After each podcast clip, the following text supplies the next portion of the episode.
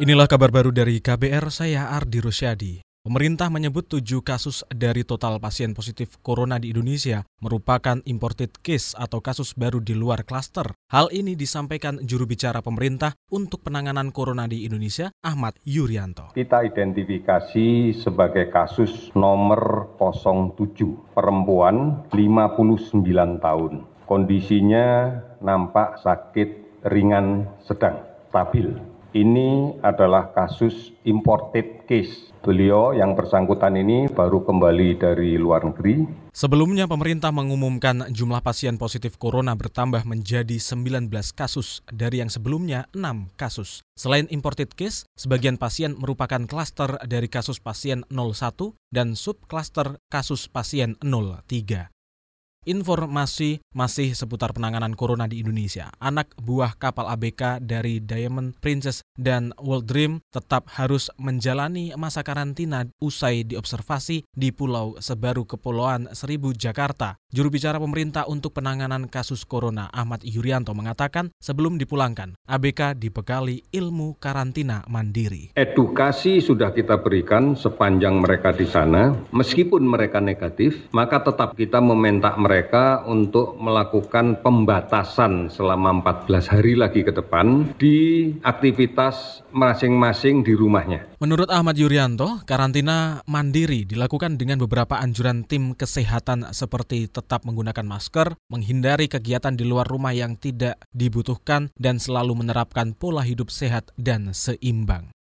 Informasi selanjutnya, Kementerian Keuangan menyatakan akan mencermati putusan Mahkamah Agung MA soal putusan pembatalan kenaikan iuran BPJS Kesehatan. Menteri Keuangan Sri Mulyani Indrawati mengatakan putusan tersebut akan terus berimplikasi pada keuangan BPJS. Pasalnya, pemerintah telah mengucurkan dana bantuan bagi BPJS sebesar 15 triliun rupiah. Namun kondisi BPJS hingga akhir tahun lalu masih tetap merugi hingga 13 triliun rupiah. Ya ini kan keputusan yang mungkin kita harus lihat lagi implikasinya kepada BPJS gitu ya. Kalau dia secara keuangan kemudian akan terpengaruh, ya nanti kita lihat bagaimana BPJS kesehatan akan bisa sustain dari sisi keinginan untuk memberikan jasa kesehatan kepada masyarakat secara luas namun dari sisi keuangan mereka memiliki. Jadi kalau sekarang dengan hal ini, ya ini adalah suatu realita yang harus kita lihat. Kita nanti akan review lah kalau itu ya.